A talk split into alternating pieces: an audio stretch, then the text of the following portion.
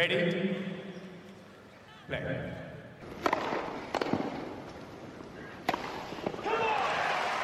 Merhabalar, Raket Servisi hoş geldiniz. Ben Gökalp.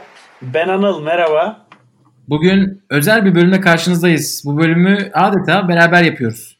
Evet, çok güzel böyle konuklu bir bölümümüz var. E, dört tane konuk ağırlayacağız bu bölümde.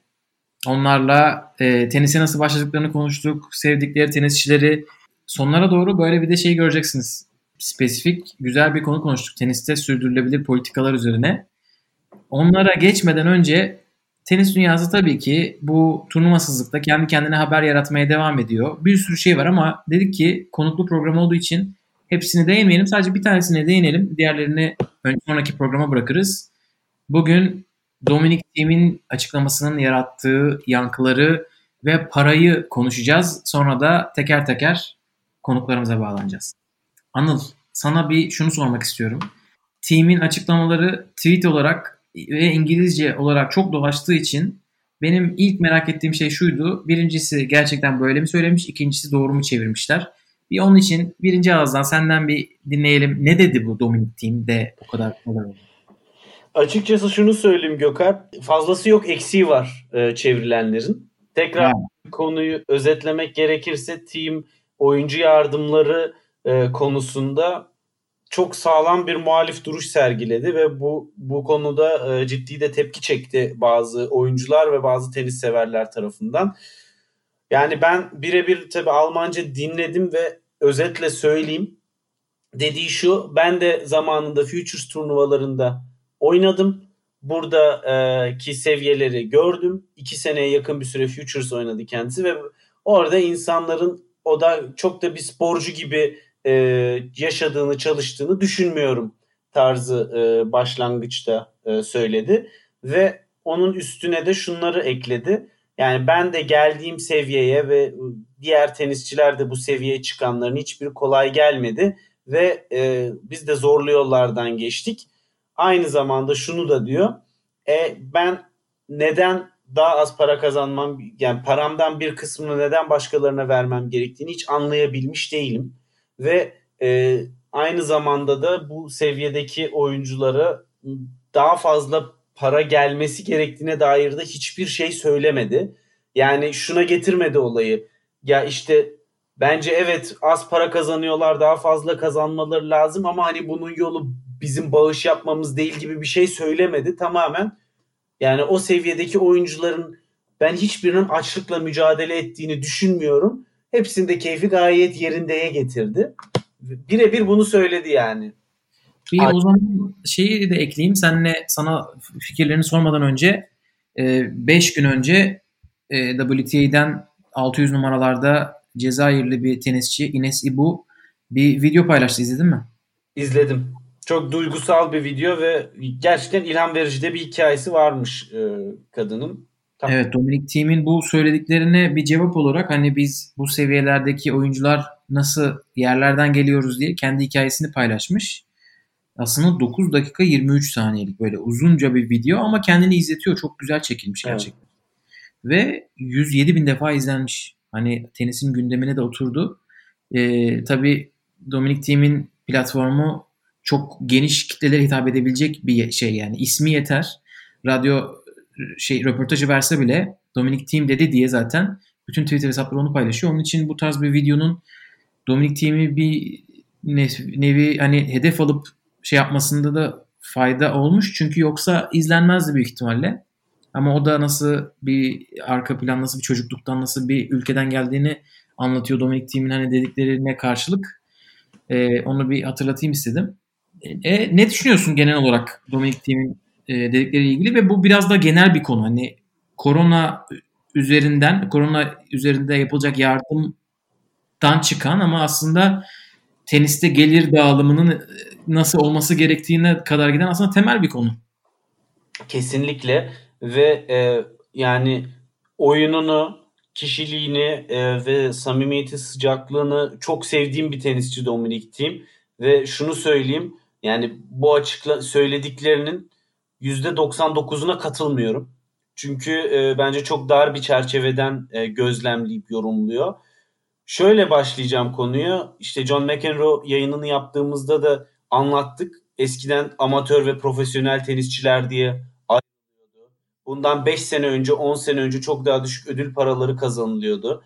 Yani Dominic Thiem çok çalışarak belli bir seviyeye gelip güzel bir hayat sürüyor şu anda. Fakat bunda kendi çalışmasının dışında aynı zamanda ondan önceki nesillerin tenis sporuna ve tenisçilere daha çok para gelmesi için gösterdikleri çabaların sonucunda bu sporda bu kadar para var. Ve biz biz de böyleydik, e, biz de bu yollardan geçtik deyip e, topu e, şu an kendi rahat olduğu için oyuncuların performansına ve disiplinsizliğine atması ve ondan dolayı az para kazanıyorlar demeleri demesi bence çok yanlış.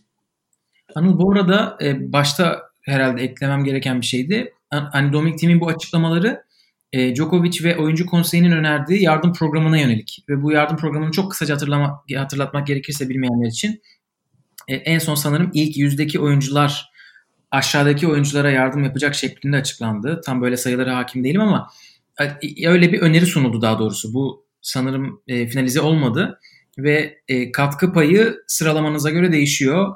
İşte ilk 5 galiba en yükseği ödüyor.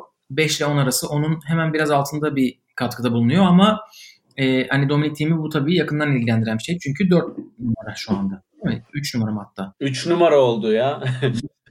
yani Federer'le Djokovic'le Nadal'la aynı parayı katkıda bulunun diyor. Gerçi o onun burasına değil öbür tarafına takılmış. Ya yani meblağ ile filan alakası yok. Dominic Thiem direkt e, diyor ben niye para vereyim diyor. Çalışsınlar onlar da kazansınlar diyor.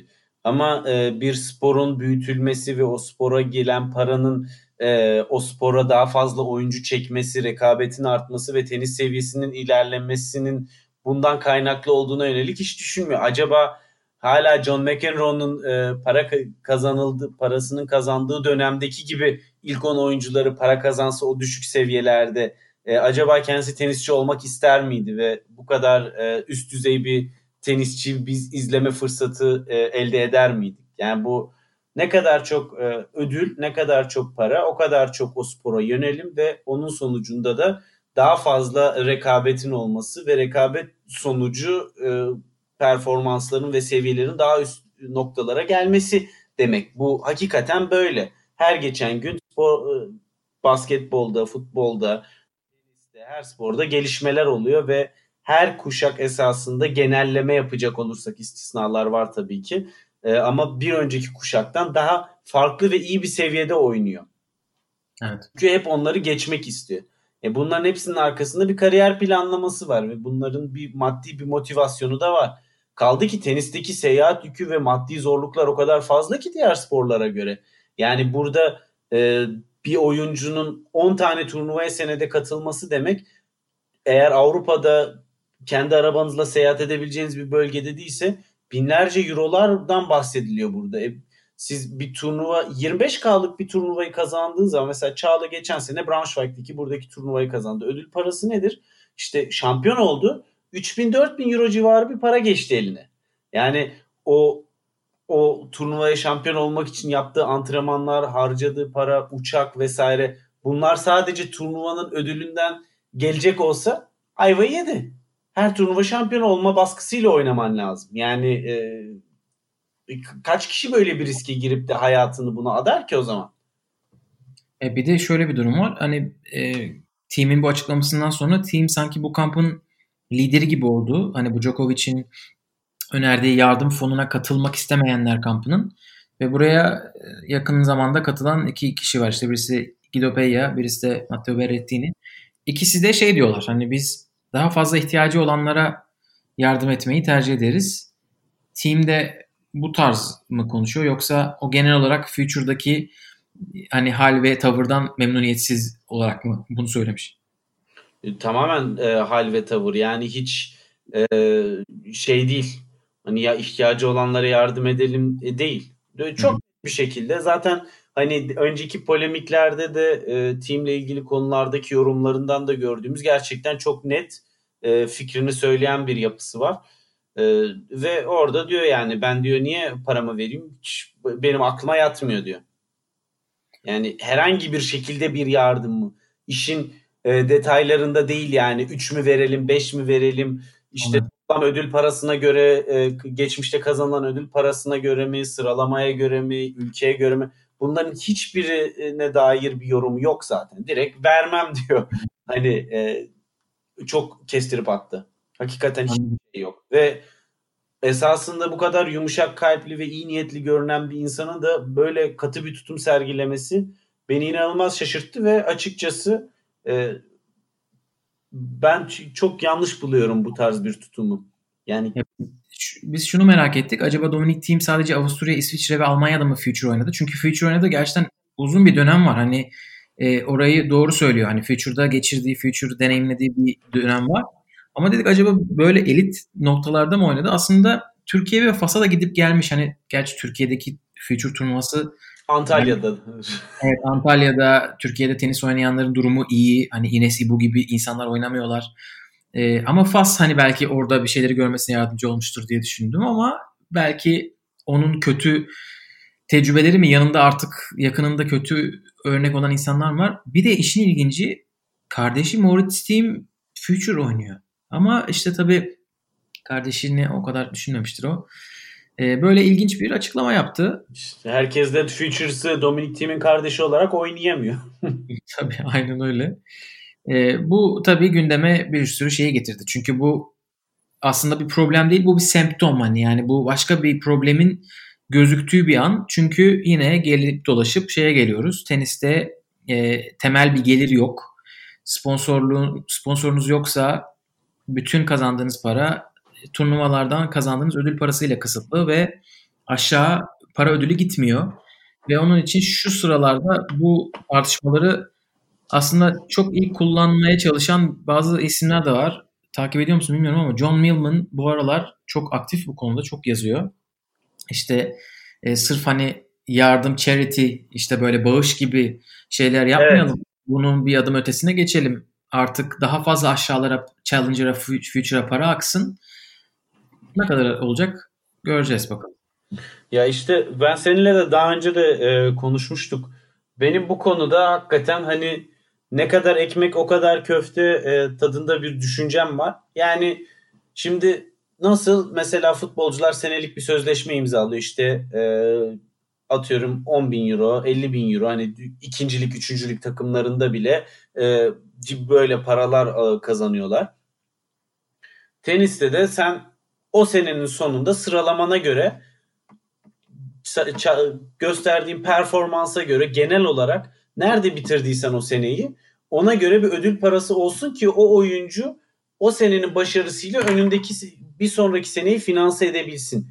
Veya sakatlıklardan sonra e, geri dönmesi gerekirse o arayı kapatılacak bir finansman e, desteği olması lazım. Çünkü yani profesyonel sporlar içerisinde e, bu kadar üst düzey e, izlenen sporlar arasında çok fazla ilk yüz dışındaki bu spora gönül verip kariyerini yapmak isteyen insanların hiçbirinin e, doğru düzgün hani ben bunu profesyonel olarak yapacağım. Bir sene yaptım, bir sene tıkandım.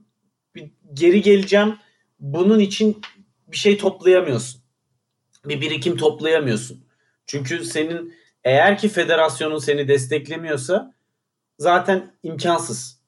Yani dolayısıyla esasında bence sene sonu sıralamalarına göre bir ödül sistemi olması lazım. Ya ödül sistemi yapacaksın ya destek sistemi yapacaksın. Çünkü biz bugün e, üst düzey sporcular turnuvaya katılmak için dünya para alıyorlar. E, ilk 10, ilk 20, ilk 30 oyuncuları.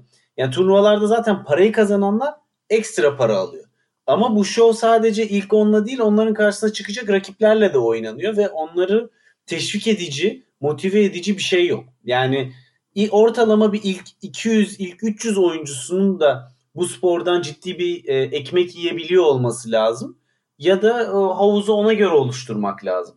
Çünkü yoksa e, bir sene sakatlıkla uğraşan biri e, nasıl basketbolda, futbolda sözleşmesi var. Takır takır alıyor parasını. Hiç dünya umrunda değil.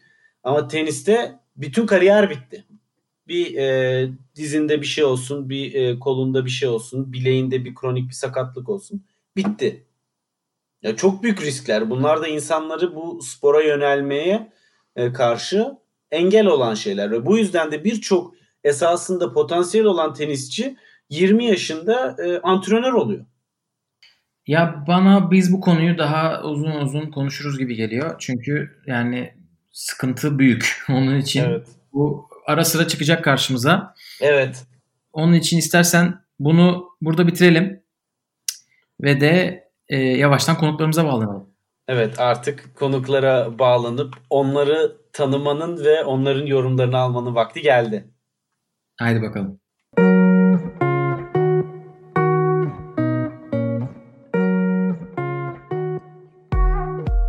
Evet yanımızda Damla var. Damla hoş geldin. Merhaba, hoş bulduk. Damla hem sıkı takipçilerimizden hem de benim en yakın arkadaşlarımdan biri.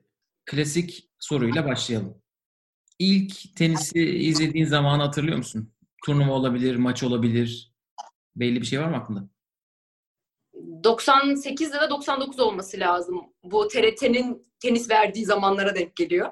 Oo. Ee, sanırım ilk, yani bu Agassi'yi falan hatırlıyorum ama ilk böyle, tabii kaç yaşındayım? 11 yaşındayken izlediğim ilk turnuva bence Roland Garros 99 olabilir. Çünkü Martina Hingis ve Sharapov şeyin, e, Steffi Graf'ın e, maçını hatırlıyorum. Ya, Şu efsanevi Hingis'in alttan servis attığı e, skandala ve tartışmalara sebebiyet veren maç mı? Evet evet, e, sinir krizi geçirdiği. yani böyle ikonik Yok, o- maç. onu, onu gördün ve dedin tamam bu benim sporum mudur? Yani öyle bir bağlanma. E, Evet ben de sinir krizi geçirebilirim böyle bir sporla uğraşırsam diye düşündüm. Yok yani zaten çocukken insana değişik geliyor işte. Tenis zaten küçük bir şehirde yaşıyorsanız çok da böyle tenisle bir alaka yok. Ben zaten Bolu'da yaşadığım için hani tenis topu, işte tenis raketi falan bunlar görmediğimiz şeyler enteresan gelmişti. Zaten TRT'de açık yayın yaptığı için ilk orada hatırlıyorum izlemeye başladığımı. Ailecek izliyorduk. Benden Zaten izlemeye için bir seni kutluyorum ve bir kıskandığımı belirtmek istedim. Kıskan Gökhan. Sen kaç sen ilk maçını kaç ne zaman izledin Gökhan?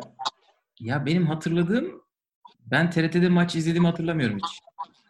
Sharapova'nın kazandığı sene galiba o sene CNN Türk veriyordu. Hani böyle ana kanal böyle hatta 6. kanalımız mı neydi bizim televizyonda? Öyle çok hani izlenen bir kanalda olduğu için şaşırmıştım. Abi ne bir de onun çok haberi yapılmıştı o zaman. Ee, o ilginçti. Ama tabii şey daha ikonikmiş. Nedir o? Ee, işte Martina Hingis maçıyla tenise girmek ne bileyim seviye çok yüksek. Evet CV'ye yazılabilecek bir şey bu.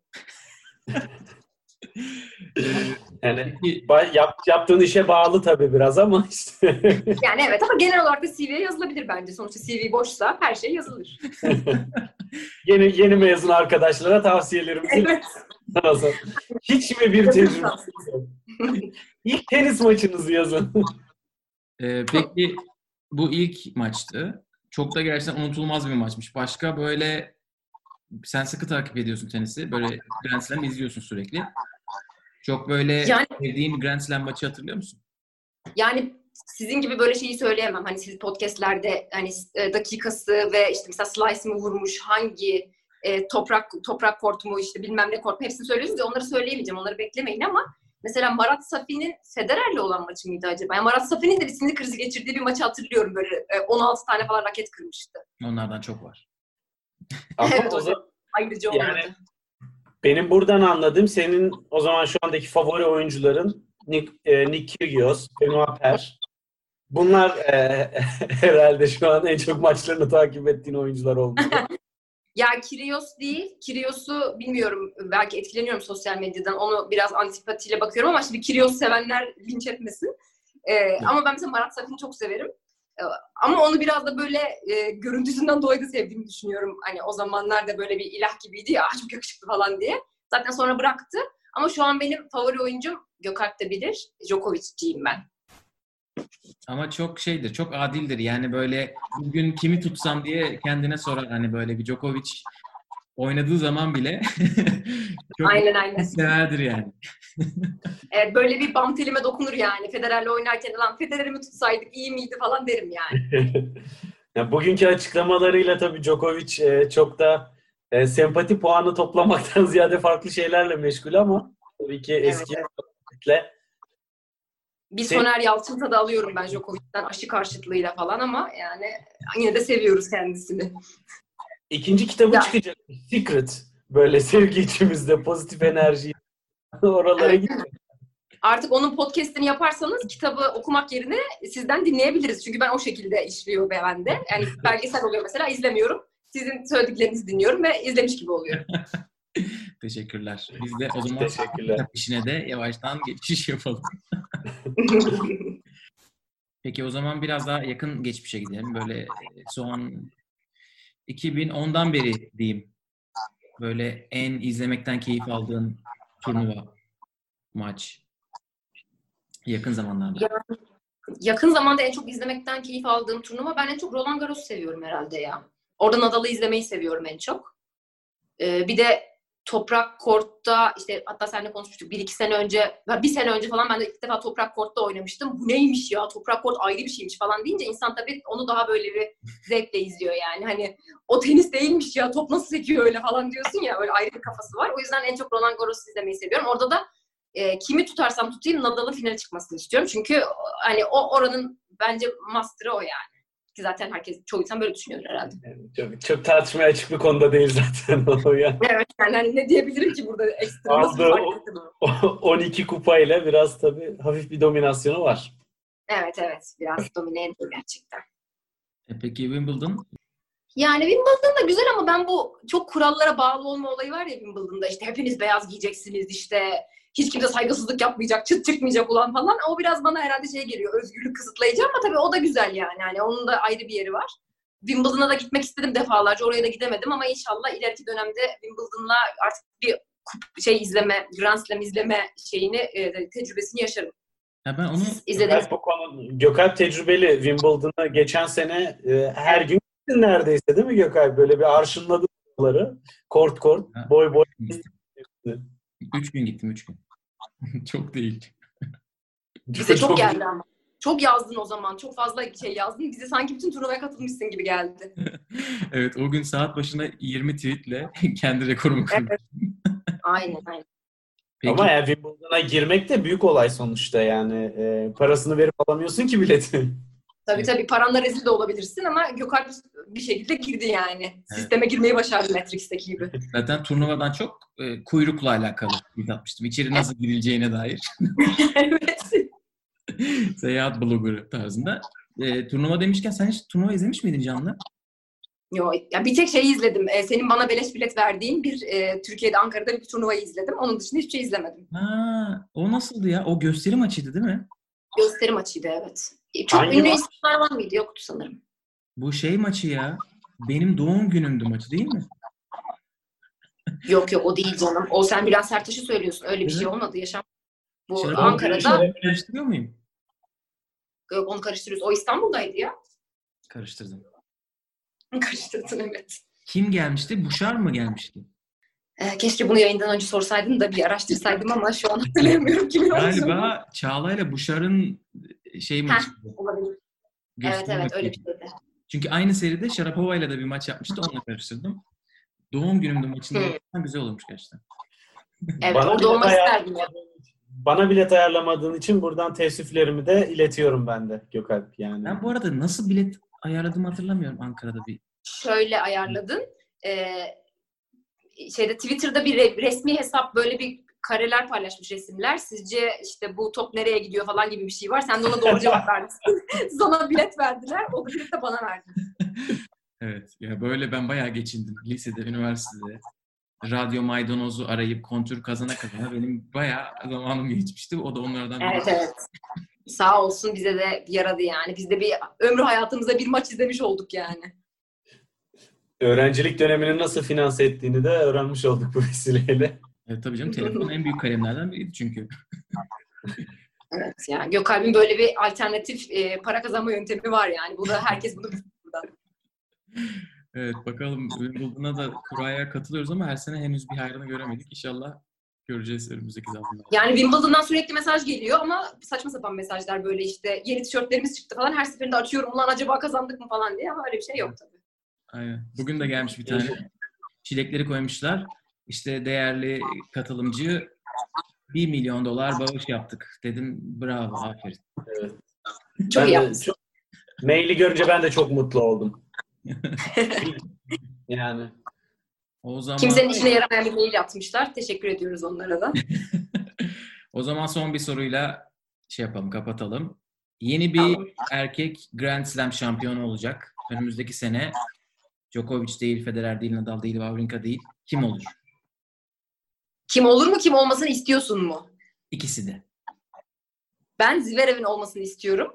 Ama olur mu bilmiyorum çünkü dünyanın en e, istikrarsız insanı olduğunu düşünüyorum. Yani tamamen duygularıyla oynadığını düşünüyorum. Yani o gün işte kız arkadaşıyla iyiyse arası çok iyi bir performans gösteriyor ama eğer değilse falan işte dağlara taşlara yani. Ama ben Zverev olsun istiyorum. Kendisini de çok beğeniyorum yani.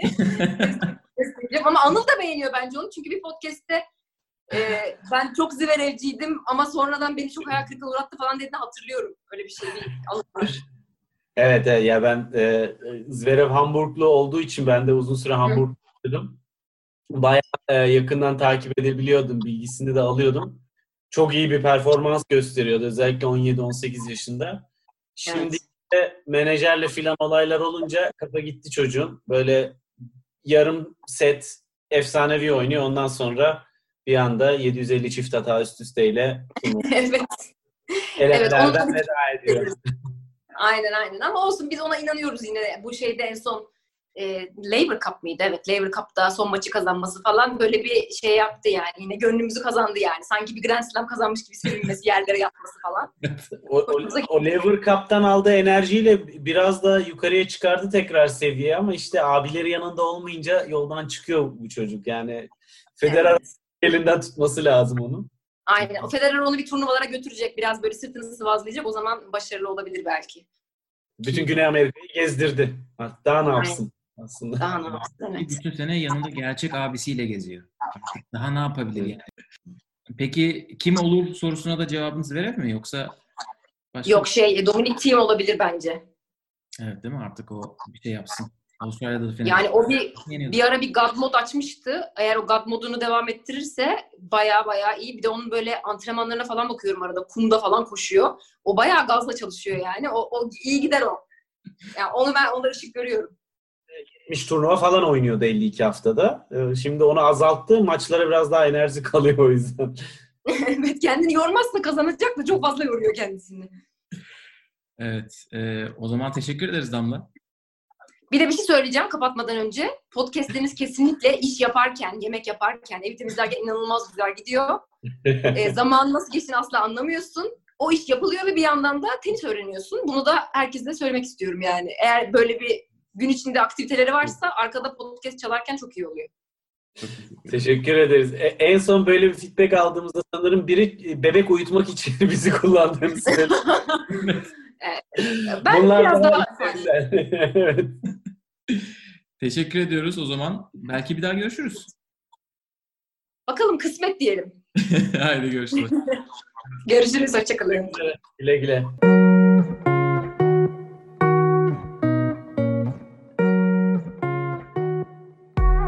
Evet yanımızda Irmak var bu sefer Muğla'dan. Irmak hoş geldin. Teşekkür ederim. Hoş bulduk. Hoş geldin Irmak. Hoş bulduk. Nasılsın? Nasıl gidiyor? Nasıl orada durumlar? Biraz düzeldi mi? Yani evet bizim sokağa çıkma yasağımız kaldırıldı. Ee, Türkiye normalleşme süreci çok hızlı bir giriş yaptı. Çok anlayamadık açıkçası. Bilmiyorum yani nasıl gidecek. Çünkü biz turizm bölgesinde yaşıyorum mesela ben. Hı hı. Ee, ve bu durumdan çok hoşnut değilim. Çünkü e, yani Türkiye'den de gelen olacak muhtemelen. Birden böyle çok hızlı olunca diğer ülkelerden de gelen olacak. Ve hani ben Türkiye'deki korona sürecinin de çok objektif yürütüldüğünü maalesef düşünmüyorum. O yüzden böyle bekliyoruz. Zaten hepimiz bir pandemi ustası, pandemi ustası olduk resmen. Alfa tip koronavirüsü varmış. Böyle bir virüs olmaz. Öyle. Bakalım Aynen. nasıl gidecek. Bir de hayat çok durdu. Bunun dışında bir problem yok yani. Biraz iyi de oldu gibi aslında kendi adıma çok yoğun yaşıyordum çünkü. İşler falan da bir duruldu. O yüzden de biraz iyi oldu aslında. Aynen hem biraz boşluk iyi geldi. Bir de özlediğimiz şeyler var tabii ki. Biz de bu boşluğu böyle tenis konuşa konuşa Evet. doldurmaya çalışıyoruz. Onun için sana Ama tenis yok. evet tenis yok. Geçmişe döneceğiz artık. Böyle aklımızdakileri şey yapacağız, konuşacağız. Biz de biz de bu süreci gerçekten böyle ya fırsat olsa da anlatalım, konuşalım dediğimiz konulara ayırabiliyoruz. O açıdan iyi ama işte teniste olmayınca televizyonda motivasyonda biraz zorlanıyor insan. Her gün eski maçları, güzel puanları izlemek nereye kadar? Bir de bence tenisçiler de çok saçmalıyor açıklamalarıyla. Yani hiç hani en çok Djokovic falan demeyeceğim ama hepsinin geri dönmesi lazım. Yani mesela en son Federer'in falan da böyle bence hiç hoş olmayan bir açıklaması var. Hepsi geri dönsün bir an önce tenis oynasınlar yani. E, çok Öyle fazla demek saçmalıyorlar. basınla yüz göz olmamaları gerekiyor artık. evet kesinlikle. Irmak o zaman ilk sorumuza başlayalım. Tenise nasıl tenise nasıl tanıştın? İlk tenis izlediğin turnuvayı, oyuncuları hatırlıyor musun? Evet hatırlıyorum. Ee, ben tenis oynayarak tenise başladım. izleyerek değil aslında. Çok Oradaki güzel. antrenörüm de böyle çok aşırı teknik oynadığım için bana devrim diyordu ırmak yerine zaten. Hı hı. O yüzden de devrim port olarak kaldı ismim yıllarca. Sonra da işte zaten tenis oynamaya başlayınca ve bunu böyle biraz daha düzgün bir şekilde, hani profesyonel bir şekilde oynayınca izlemenizi tavsiye ediyorlar. Dolayısıyla TRT3, TRT1 yayınlarıyla başladım. İlk maçımda e, sanırım Agassi Federer finaliydi. İlk tam izlediğim maç. Oo, Tam da maçına denk gelmiş yani. Ama hani kısa kısa izliyordum yine de sanırım oydu yani. En böyle hatırladığım o en azından. E, peki uzun süre oynadın mı? Oynadığın için merak ettim şimdi. Hı. Ee, 8 yaşında başladım. Ee, 13 yaşına kadar falan oynadım. Hala oynuyorum hobi olarak. Ee, ama işte şey sakatlanma falan Türkiye'de pek sporcu olmak çok kolay bir şey değil. O yüzden evet 13-14 yaşına kadar ciddi şekilde oynadım. Hatta top toplayıcılık falan da yaptım. Böyle Evet. turnuvalar. Peki top Evet, toplayıcılık nasıl bir deneyimdi? Na- nasıl bir turnuvada yaptın? Buradaki küçük turnuvalardan birinde yaptım ee, şey olarak. Yani bir turnuva vardı. Orada bizi de çağırmışlardı. Ee, O, öyle. o zaman sana, es- Değişik bir deneyimdi. sana eski bir top toplayıcı olarak bu top toplayıcılarla ilgili yapılan bir sürü şey var ya iki senedir konuşuluyor. Bunları bir rahat bırakın. Havlunuzu doğru düzgün isteyin. Bunlara nasıl, ne düşünüyorsun bu konularda? Yani tenis oynayan biri de olarak tabii hoş gözükmüyor ama e, çok böyle maçta falan adrenalin olabilecek şeyler. Sonra özür dilemeleri yeterli aslında. Mi? Tabii yapmamalarını tercih ederim ama yani o stresle falan yani hepimiz bazen istemediğimiz şeyler söylüyoruz. O konuda kort içinde olan bazı şeyleri hoş görmek gerektiğini düşünüyorum. Ama Peki. ikinci sınıf vatandaş muamelesi de görmeseler. Aynen öyle. Aynen öyle valla. O zaman biraz şeye geçelim. Böyle efsane maçlara geçelim. Senin en böyle heyecanla hatırladığın, tekrar tekrar açıp izlediğin bir ya da iki maç var mı aklında? Var.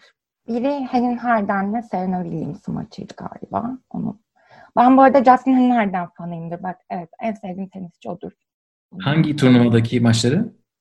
Ee, ya kadınlar tenisini çok hatırlamıyorum maalesef. Çünkü Ha, o ikisi arasındaki maçlar genel olarak. Maçları genelde severek izledim. Ama hiç unutamadığım e, Federer Nadal Wimbledon finali.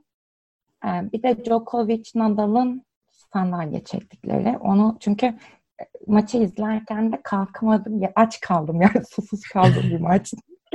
o yüzden Evet. Hızlı, da bitmemişti maç yani. Gerçekten aç kaldım. Çok öğrenciydim o zaman ve hani böyle mutfağa falan bile gidememiştim.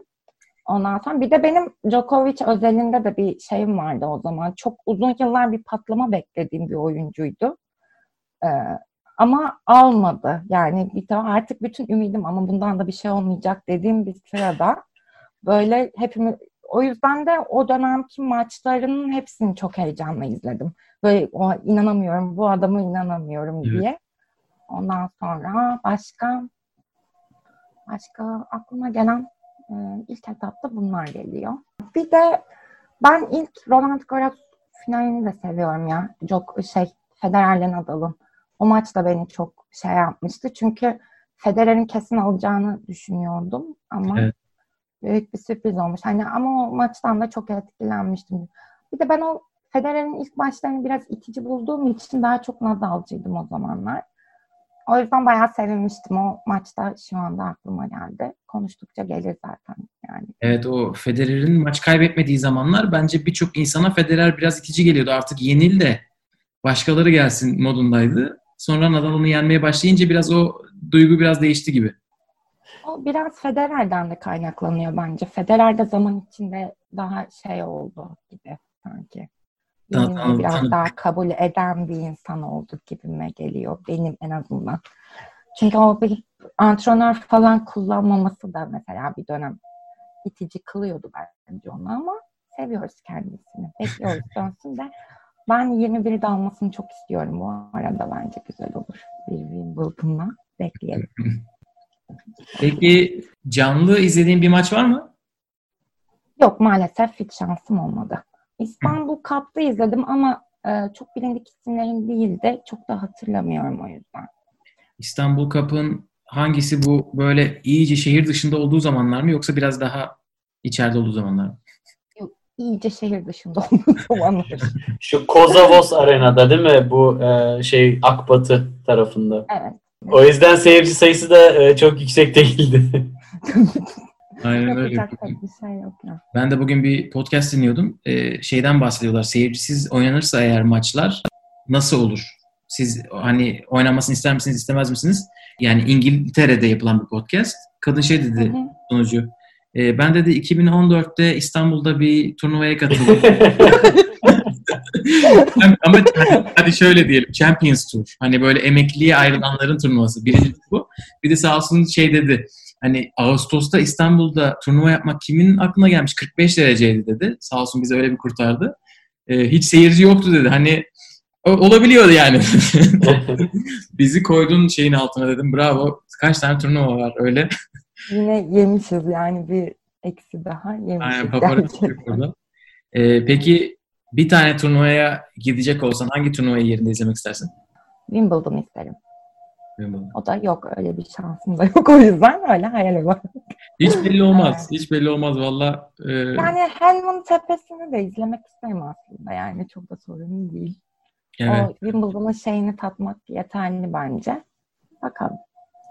Ama bir Avrupa'da falan e, en azından bir ATP bir falan izlemek isterim. Yani en azından bu dönemde yaşıyorsak bir Federer, Nadal, Djokovic'in katıldığı bir düşük turnuvayı izlemek gerekiyor diye düşünüyorum kendi adıma.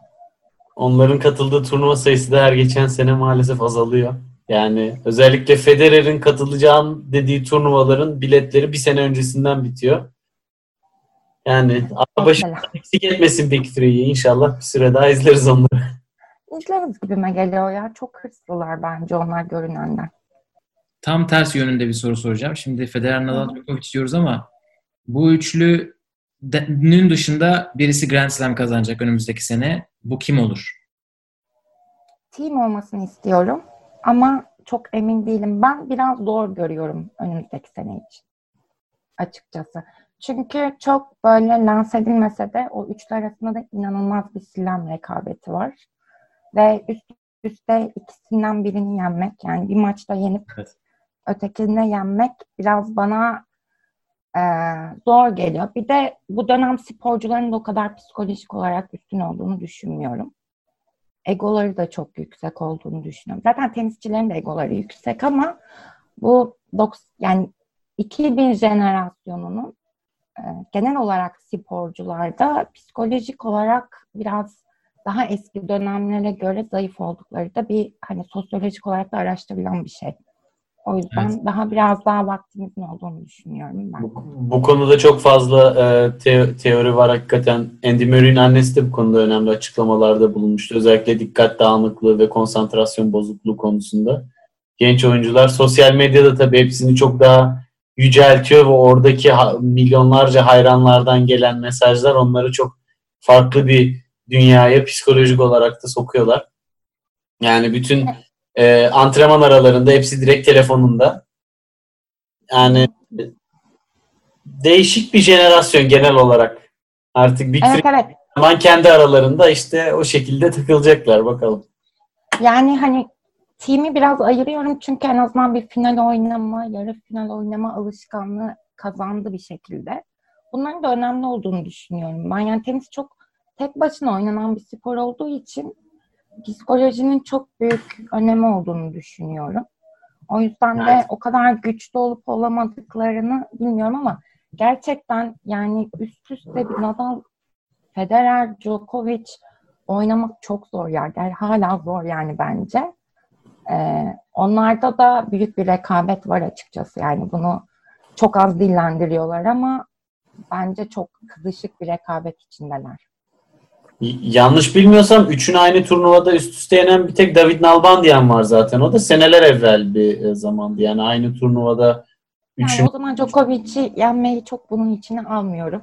2010 öncesini. Ee, sanırım bir Wawrinka üst üste yenmişti. Tabii Nadal'ı ve Djokovic üst üste yendi. Onun dışında yok zaten. Ama Evet. team'in almasını istiyorum ya. Team bir tane alsın bence. Valla teşekkür ederiz. Senin Ağzına sağlık. bir var mı? Onu, da varsa ekleyelim yoksa tekrar teşekkür ederiz. Evet. Yani umarım kadın tenisi de biraz daha şey olur diye düşünüyorum ya. Beş en azından son e, final maçlarında 5 set oynanması gerektiğini düşünüyorum. Öyle mi? Haksızlık ediyorlar biraz kadın tenisine. Ki kaybettikten sonra ikinci seti almaları biraz zor ya. O yüzden bence haksızlık ediliyor kadın tenisine de. Evet ben de e, yani erkekler ve kadınların Grand Slam'lerde aynı formatta oynaması gerektiğini düşünüyorum. Hala o format kafamda ne olduğunu bilmiyorum. 5 set mi e, kaç set ama eşit olmaları Evet. gerekiyor. Yani yapılabilir çok zor şeyler değil. Kimsenin de itiraz edeceğini sanmıyorum da işlerine de gelmiyor galiba. Yani çok ben tenisin e, bu politika kısmını çok sevmiyorum. Çok gelince oyunculardan da soğuyorum açıkçası. O Evet. yüzden o tarafına çok ilgilen. Bir de vaktim de yok yani artık. En güzel. Ama politika kısmı çok karışık yani şimdi Evet. e, kapatıyoruz dediniz o yüzden girmek istemem. Ben çok konuşurum da. Valla teşekkür ederiz. Bir, defa daha yaparsak buradan devam ederiz. Tenis politikasıyla devam ederiz. tamam olur. Yani sevinirim. Zaten istiyordum ve ben önermiştim galiba. O yüzden Ha, bir ses gitti ama senin önerin olduğunu duyduk. Gerçekten öyleydi. İki öneri vardı. Birisi senindi. Tam biz yeni hesabı açtığımız zaman. evet. Seni de onun için bu yayında ağırlamak bizim için iyi oldu. Tekrar teşekkür ederiz. teşekkür ederim. Ben de çok teşekkür ederim. Çok memnun olduk. Ben de. Kendine iyi bak. Güle güle. Görüşmek üzere.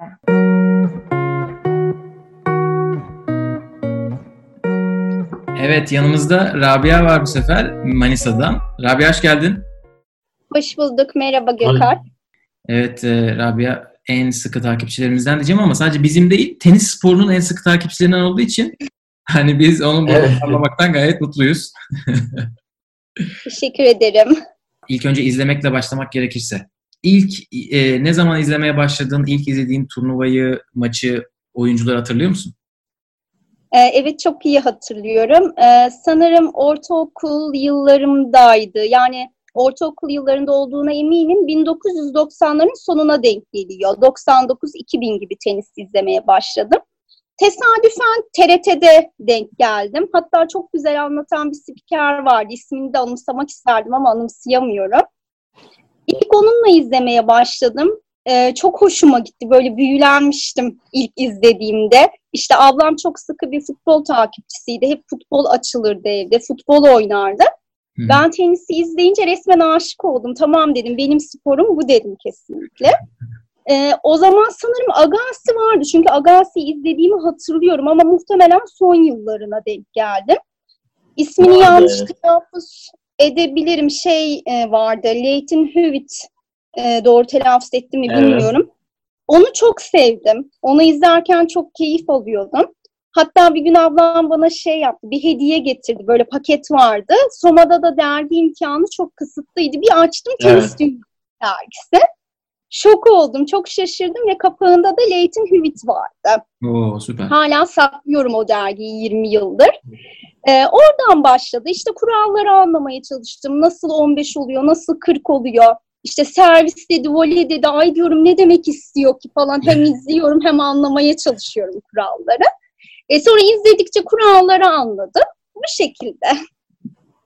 Ee, şimdi peki son zamanlarda en çok takip ettiğin turnuva, en severek izlediğin turnuva, oyuncular onlarla ilgili ne söyleyebilirsin bize? Ee, kesinlikle Fransa açık en favori turnuvam. Ee, hatta bu yıl şey yaptım. Hani seyahat kumbaraları falan biriktirir bazı insanlar. Kendilerini hedef koyarlar. Benim de dedim hedefim Roland Garros. Gideceğim dedim Fransa'ya. Ee, Nadal emekli olmadan inşallah. Bir gün dedim Nadal'ı izleyeceğim. Para biriktirmeye başladım böyle kendim. Ee, tamamen e, turnuvayı hedef alarak bir bütçe belirledi. E, zaten Nadal fanıyım. Nadal'ı en çok seviyorum. E, bu 90'lı yılların sonunda da e, Nadal'ın bir maçını izlemiştim. İlk defa Nadal'ı izlediğimde çok etkilenmiştim. Nadal yeni yeni dikkatleri çekiyordu o zaman. Böyle diz altı şort falan vardı. Uz, Çok uzun iyi. kapri şortları vardı. Yeşil e, kolsuz tişörtü vardı. Evet evet. Hatta kaprisinden bile ben boyunu kısa zannediyordum. Ya diyordum ne kadar kısa boylu tenisçi falan. Sonra araştırdım uzun boylu olduğunu öğrenince şaşırmıştım. Şort, şort uzunmuş. Aynen şort uzunmuş.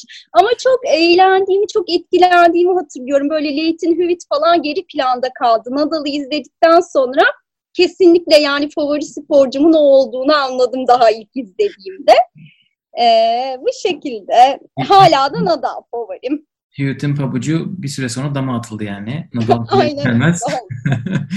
Ee, peki oynamaktan biraz bahsedelim. Oynamakla ilgili sorularım vardı çünkü oynadın mı hiç? Denedin mi tenisi? Maalesef. Hiç oynayamadım çünkü Soma küçük bir ilçe. İmkanları kısıtlı. O zamanları daha da kısıtlıydı. Hı hı. İşte tenis raketi almak istiyorum, ulaşamıyorum. Beden öğretmenimden rica etmiştim ama bir türlü o beklediğim tenis raketi gelmedi. Sonra badminton raketi buldum. İşte kız kardeşimle badminton oynamaya başladık. Onun hep tenis topu olduğunu hayal ederdim. Böyle şekilde atardık onu falan oynardık sitenin bahçesinde. Ee, en yakın Balıkesir'de tenis kortu olduğunu öğrendim ama gidemedim maalesef. Çünkü zordu her hafta gidip gelmek. evet. Ee, Ama şimdi Soma'da son bir yıldır tenis kortu var. Kızım da o kulüpte oynuyor. 9 yaşında kızım var. O da tenis kulübünde oynuyor Soma'da. Çok güzel. Ama dediğim gibi yani 20 yılı aldı Soma'ya tenisin gelmesi. Anladım. Ee, o zaman geldiyse kort, hani korta da gidiyorsan artık senden de yakında bir e, tenis anısı bekleriz. Evet ben de korta çıktım diye. Çok istiyorum. Hatta kızımın antrenörleri de diyorlar. Hani Rabia Hanım sizde ilgi var, tenise karşı sevgi var, bilgiler de tamam diyorlar. Çünkü arada anket falan yapıyorlar. Ben hep sorulara doğru cevap veriyorum e, ondan sonra. Hani gelin size ders verelim diyorlar. Düşünüyorum seneye bireysel özel ders alıp kızımla daha hem karşılıklı oynayabilirim. Seneye inşallah sadece tenis seyircisi değil oynayıcısı da olurum. Yani oynadıktan sonra e, izleme şekli de değişiyor. Onu kesinlikle söyleyebilirim. E, Gerçekten biraz daha fazla o oyuncuyu psikolojik yönden de anlamaya başlıyorsunuz. Ee, özellikle maç yaparsan filan e, çok etkisi oluyor. Yani maçı izlerken de farklı bir gözle baktığımı o yüzden söyleyebilirim. Geçen Bora Hoca ile kayıt yapmıştık. Bak o da çok tavsiye vermişti böyle yeni başlayacak olanlara ne yapması gerektiğine dair. Oradan da belki sana biraz motivasyon sağlamış olursak ne mutlu bize. Evet yok çok faydası oldu. Hatta o bölümleri böyle geriye sara sara tekrar tekrar dinledim. Zeynep Naz oynuyor ama diyorum Zeynep Naz 9 yaşında başladı. Ben 33 yaşımda başlayacağım. Hani ne kadar iyi olabilirim. İşte yerel turnuva düzenleniyor. Ay komik duruma düşer miyim ki falan diyorum böyle çok az oynayarak katılırsam ama cesaret geldi sizin o podcast'i dinledikten sonra.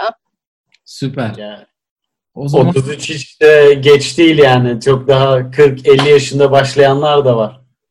evet. Evet yani bir ömür boyu oynamak istediğimi düşünürsek aslında geç değil dediğiniz gibi Evet bizim sporumuz bir de hani onunla çok övündüğü için yani biz hani en uzun ya- yaşam boyunca oynanabilen spor olduğu için tenis. Ben burada da kortlar bu hafta açıldı.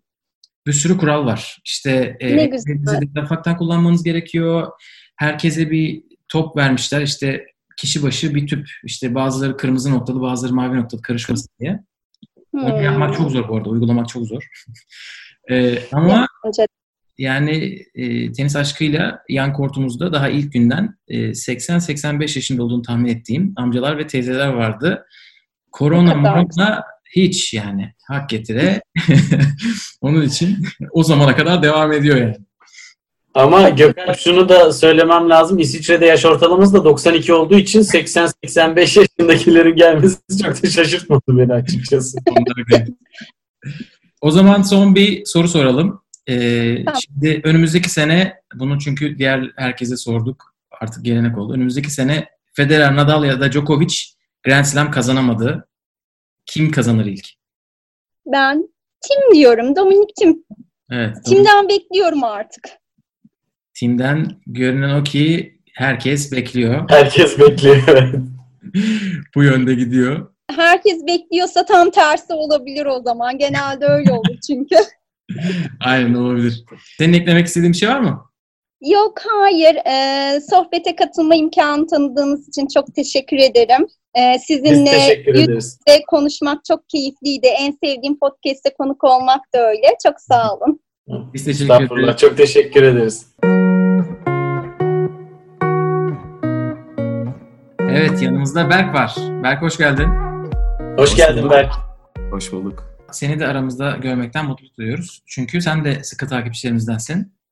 Evet ben de çok sıkı takipçilerinizden biriyim. Sayenizde çok fazla şey öğreniyorum tenisle alakalı.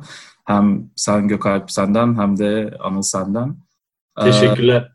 Tenise merakın nasıl başladı? tenise merakım benim ilk tenis maçım sanırım 2003 TRT 3'te veya Spor'da yayınlanan bir kadınlar Roland Garros maçıyla başlamıştı. O zaman babam gel otur bir tenis izle falan böyle diye beni oturtmuştu yanına. Ardından tenis oynamaya başlayıp öyle bir e, giderek artan bir tenis merakı, ilgisi. Sonra tabii oynayarak da senelerce bunu sürdürdüğüm bir alışkanlık haline geldi. Ardından da ve tabii yani Federer ve diğer Nadal olsun, diğer fenomen oyuncuların sayesinde e, hala çocukluğumu yaşatan e, bir tarafım benim kendimde. O yüzden de yani onlar bıraktığında mesela nasıl olacak, nasıl bitecek hiçbir fikrim yok açıkçası. Bu tenis merakımın, ilgimin neye dönüşeceğini ben de merakla bekliyorum açıkçası yani. Hep onlarla var oldu. Onlarsız nasıl olacak? Bakalım göreceğiz açıkçası böyle. Bugün hem Allah aldığımız herkes hem TRT'nin hem de Roland Garros'un reklamını yaparcasına. İlk ilk turnuvalar hep böyle. Ama Gökalp normal. Çünkü yaz tatilinin başlangıcı. Televizyonun başına oturabiliyorsun. Hani Avustralya içi izle bakalım. şu, Ya şu bir- gece- Her şeyi hatırlamıyorum. Şeyi biliyor musunuz? Ee, Benim izlediğim ilk Federer maçı mesela 2004 Marat Safin finaldi. Ama o TRT Spor'da yayınlandı mı yayınlanmadı mı emin değilim. Ben yayınlandı diye hatırlıyorum. Ee, Ama tabii hep böyle bir benim için böyle bir şeyde arafta yani o e, konu. Mesela sizin var mı o, o kadar 17 sene önceki yayınların e, nasıl yayınlandığı veya bununla alakalı bir bilginiz var mı? Ben şeyi hatırlıyorum yani Masters Cup'ın Şangay'da oynanan Masters Cup'ı en- e, onu da CNN Türk vermişti. Yani Ama NTV Spor da turnuva veriyordu. Yani e, tam hangi turnuvalar olduğunu hatırlamıyorum şu anda özellikle o erken zamanlarda ama Wimbledon verdiği Hmm. zamanlar vardı. Wimbledon verdiği seneler vardı. Sonra iş paraya gidince, paralıya gidince biraz değişti. Evet evet. Yani benim için 2004 Avustralya açık finali Federer. Daha sonra hemen hemen her maçını takip ettim internet veya e, şeyle canlı yayınla. E, hatta şey var çok ilginç bir yanım var. 2008 e, Barış Barış Kuyucu ve sanırım Mehmet Sevinç anlatmıştı. Beraber anlatmışlardı. E, ardından e, Barış Kuyucu o yaz Galatasaray şampiyon oldu.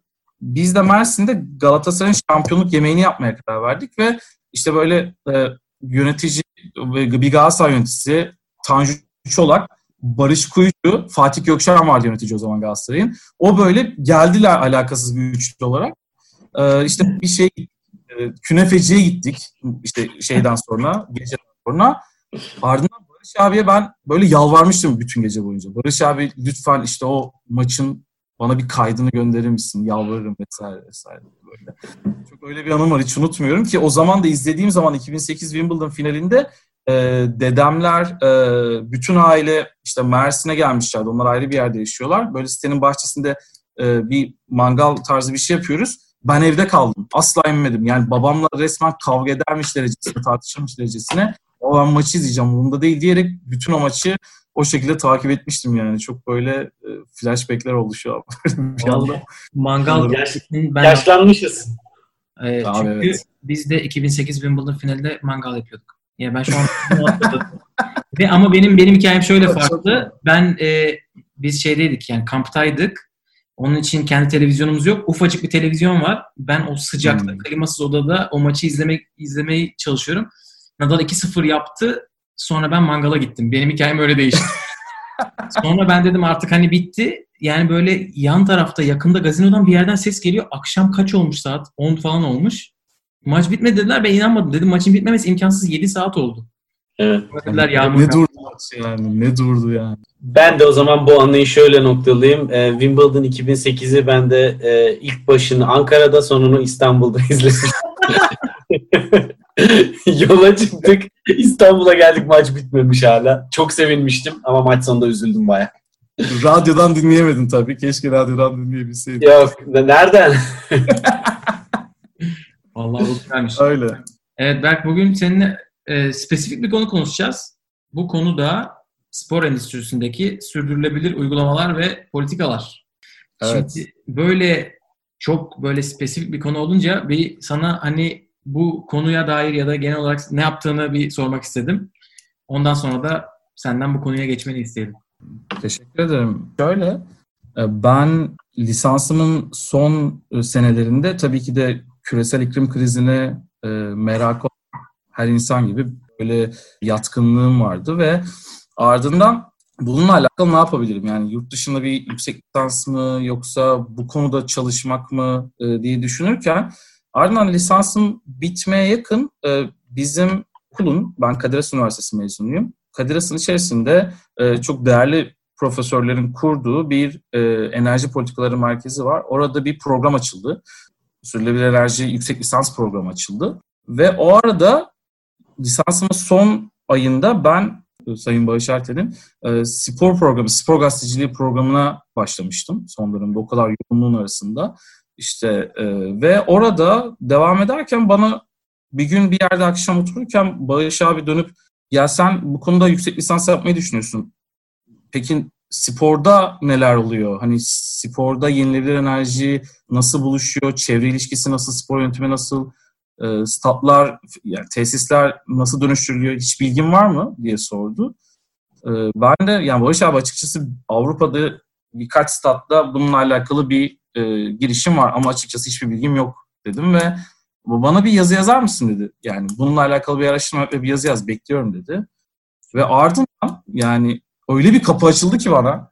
Bir şey buldukça böyle bulduğum şeylerin sayısı geometrik bir şekilde artmaya başladı yani. Aritmetik de değil, çarpılarak artılıyor böyle önüme düşen şeyler. Öyle olunca ben de e, tabii Çünkü şey, koronavirüsünün yayılması gibi bir konusu. Bir- biraz evet biraz biraz neden üstel olarak artmaya başladı.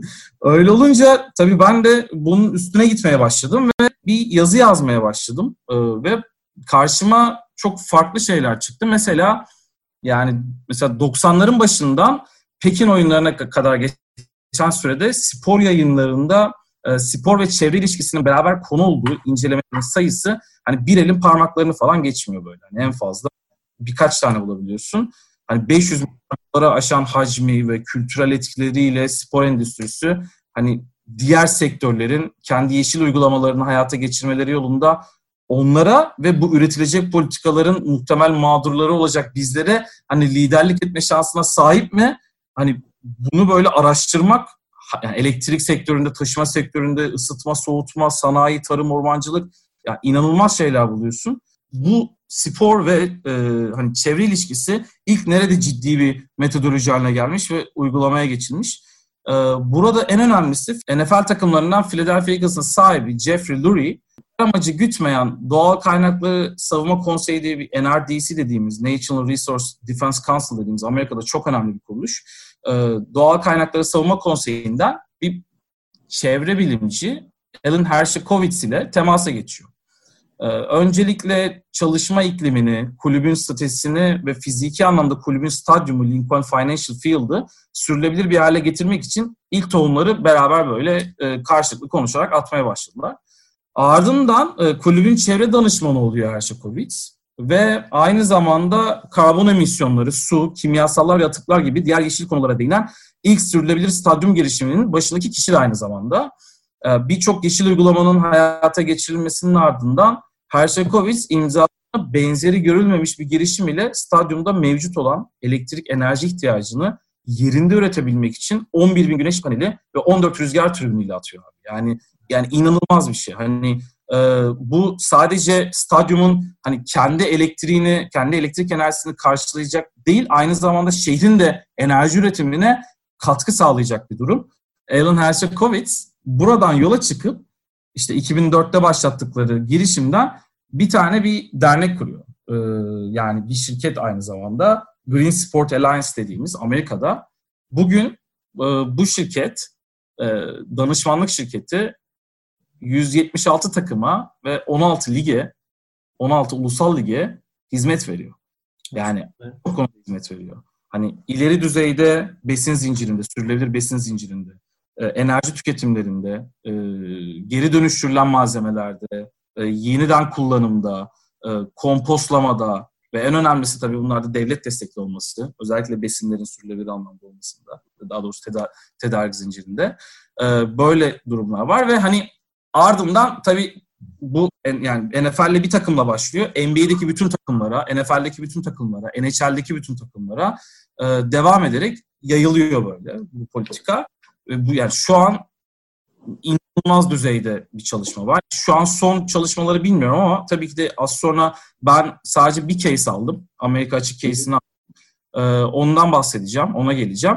E tabii burada şey var yani e, siz e, Herşikovic şunu soruyor. En önemli soru şu. Hani büyük çaplı sonuçlar elde etmek için birçok küçük çapta değişim gerek diyor. Bununla beraber küresel ısınmayla tamamen baş edebilmemiz için yapabileceğimiz büyük bir şey yok. Yani bu ne tür bir kağıt aldığınızı, ne tür bir yiyecek verdiğinizi ve ne tür bir enerji kullandığınızı dikkatle seçmeniz demektir. Suyu nereden buluyorsunuz? Atıklarınızı nasıl idare ediyorsunuz? Ve tekstillerinizin tedarik zinciri nedir? Yani olaya bir yönetime, çevre yönetiminde, spor endüstrisindeki yaklaşımı bu sorularla, bu sorulara cevap bularak e, inşa ediyor. E, o yüzden çok önemli, çok benzersiz. E, çok fazla örnek var tabii. Hani istersen tenis tarafına geçelim biraz. Çünkü ben de konuyu biraz böyle konuşmak evet. istiyorum açıkçası. Amerika açık dedin. En iyi örnek buna Amerika açık mı? Yani bu konuda teşkil edecek yoksa diğerleri de buna benzer şeyler uyguluyorlar mı? Tasarruf açıkçası e, profesyonelce. Tenis organizasyonları arasında mı diyorsun yoksa tenis turnuvalar arasında tabii yani. Ve teniste hani organizasyon olarak değil de biraz daha genel düşününce şimdi tenis bu eleştiriyi çok aldı. Çünkü bu yeşil politikalar hep konuşuluyor bir, bir zamandır ve teniste hani en çok global seyahat olduğu için hani tenisin e, hani karbon footprint'i evet. işte çok fazla sürekli turnuvadan turnuvaya gidiliyor. Business class'ta bırak kendi uçaklarında uçuyorlar.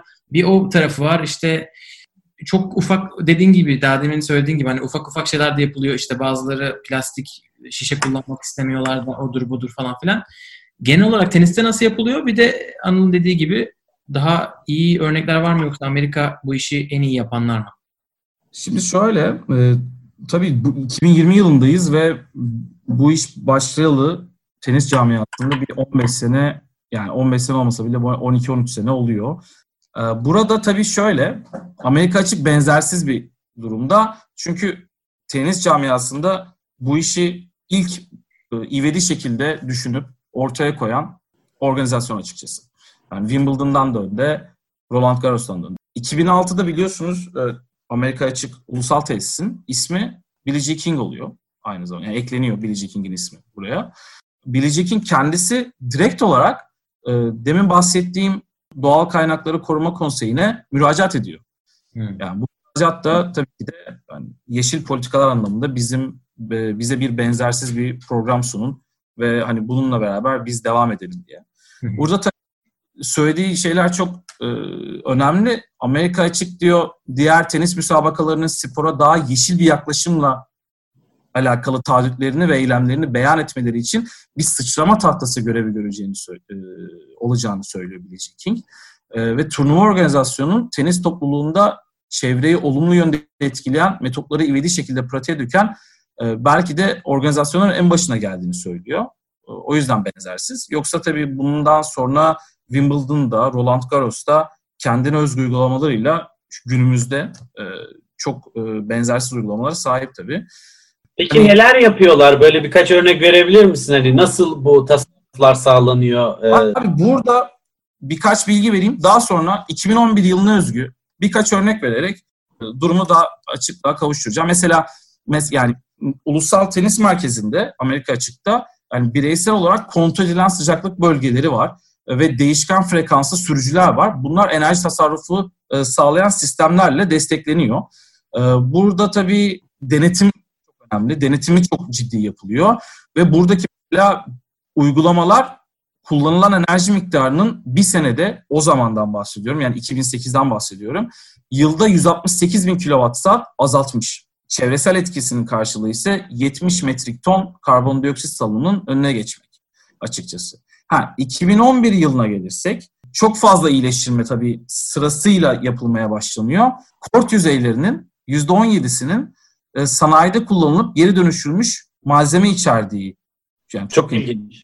Sonra kortlar neden yavaşlıyor diyorum ben. e, emin ol gerçekten bunu demin Her bir daha şey...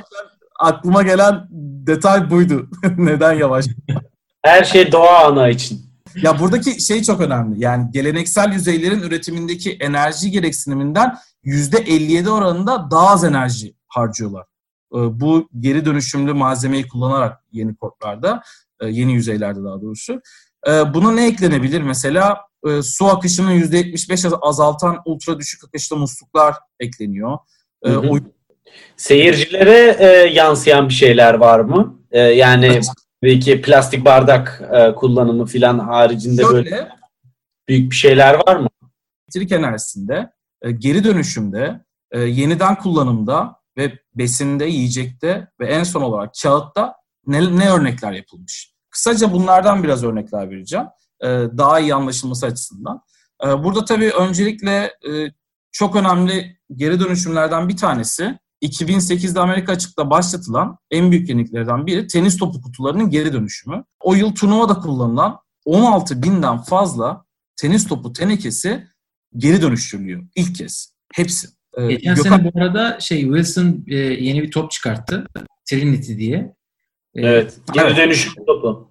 Tek olayı ya, toptan ziyade galiba e, paketi evet, şey yani kutusu. ne PVC var ne şey yani kağıttan olması lazım. Ama e, diğer ürün gamına göre böyle yüzde seksen falan daha pahalı. Biraz daha ucuz olsa daha da sürdürülebilecek. evet doğru. Gerçekten öyle yani. Kostüm. Fiyatı yüksek koyup satmayarak tüketimin önüne geçiyorlar. Bu tam anıllık bir cevaptı bence.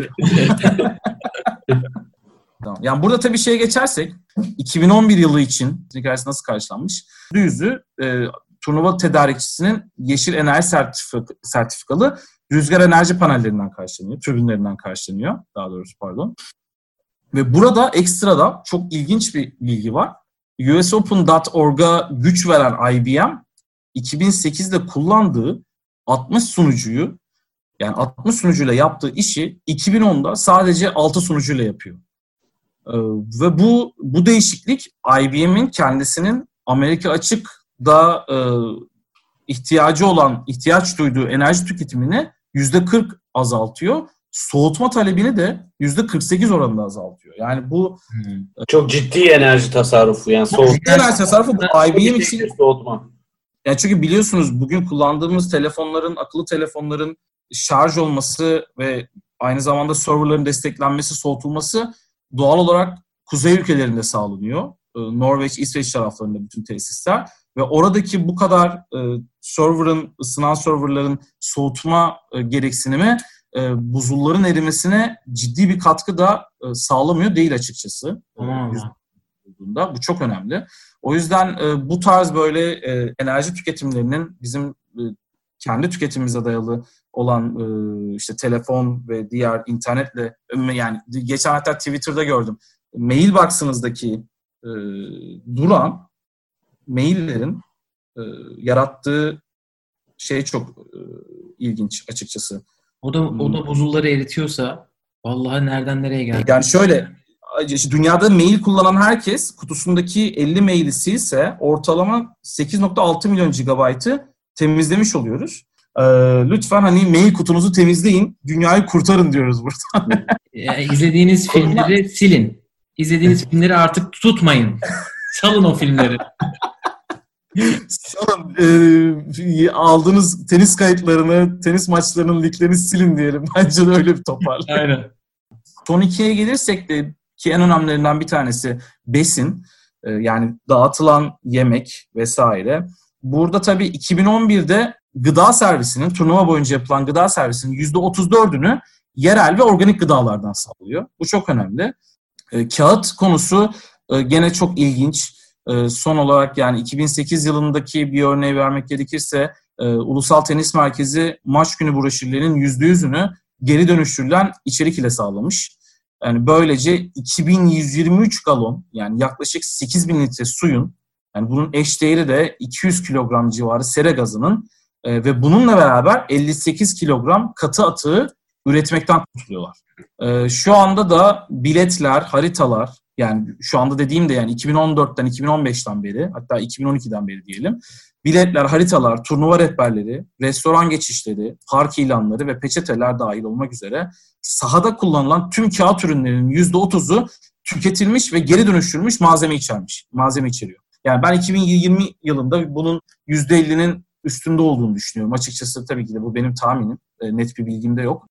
Tenis için tabii burada sürdürülebilir partner politikalarına bakmak lazım. Mesela işte be, benim çalıştığım e, şirket NG, Roland Garros'ta ne zamandır çalışıyor, neler başarmışlar ve bunu benim tabii ki de en büyük yani çok benim için önemli olan şeylerden bir tanesi benim bir fikrim var. Bu Türkiye'de hiç yok abi. Yani bunun bir demo projeyle Enka'da, TED'de çok rahat bir şekilde başlatılabilir. Yani ufak küçük cycle'larla başlatılır. E, tasarrufu yapılabilir. E, bir senelik tasarrufu çıkartılır. Dediğim gibi yani birçok farklı konu var yani burada e, implement yani uygulamaya geçirebileceğimiz. Ve bunun en önemlisi tenis yani tenisi konuşuyoruz özellikle Türkiye'ye dönersek. Yani burada ki Enkatet sporcu yetiştiren, sporcuların da sürekli orada olduğu, kaldığı yerler. Yani burada sporcuların beslendiği, e, kullandığı temizlik malzemeleri, beslendiği e, yiyecekler e, lokal üreticilerden gelebilir veya yüzde yüz sürülebilir diş fırçaları, havlular kullanılabilir. Yani bu sayfalar mümkün. Türkiye'de maalesef yok. Yani ne futbol alanında, yani futbol alanında birkaç tane girişim var ve bunun böyle Türkiye'nin en büyük birkaç kulübünden e, ya böyle aman canım diyerek ellerinin tersiyle e, itirilen projeleri biliyorum. Ve bu projeler 5-6 senede hani 1-2 milyon TL'lik tasarruf sağlayacak projeler yani. Çok ciddi rakamlar 1-2 milyon TL baktığımızda bu kulüpler için ve para harcamadan, çok fazla para harcamadan. Önemli bir konu çünkü şu anda insanların çok kafasında olan bir şey yani doğaya verilen zarar. Çünkü korona çok gösterdi hani şakayla karışık söylüyoruz ama gerçekten hani tüketim azaldığı zaman nelerin geri geldiğini gördük. E, sporda da bu çok konuşuluyor. Türkiye'de çok konuşulmaması belki normal çünkü gelişmekte olan ülkelere bu konular biraz daha geç geliyor. Bizim daha e, temel Daha altyapı kuruldu evet yani biz daha ülke olarak o nokta o noktaya gelemedik daha inşallah geliriz biz de. Yani, yani tenis de bunu çok konuşuyor çünkü tenis de bunu konuşabilecek seviyede bir spor. Dünyada en çok evet. izlenen sporlardan birisi. Onun için hani tenis ne yapıyor bu bununla ilgili onu senden duymak gayet güzel oldu. Hatta yani Türkiye'de etkinlik düzenleyen birisi sürdürülebilir olmak istiyorsa bizim yayınımızı dinleyebilir. Ee, e, Yok o onun için onun için çok e, tabii düşüncelerin için çok teşekkür ederim. Bu bir giriş Ama... olur. Ondan sonra artık senin şirkete sana paslarız. Oradan e, siz alırsınız. Ama teşekkür ederiz. Ağzına sağlık. Çok teşekkür ederiz. Ben teşekkür ederim. Çok sağ olun. İyi ki, iyi ki davet ettiniz. Çok büyük zevkti.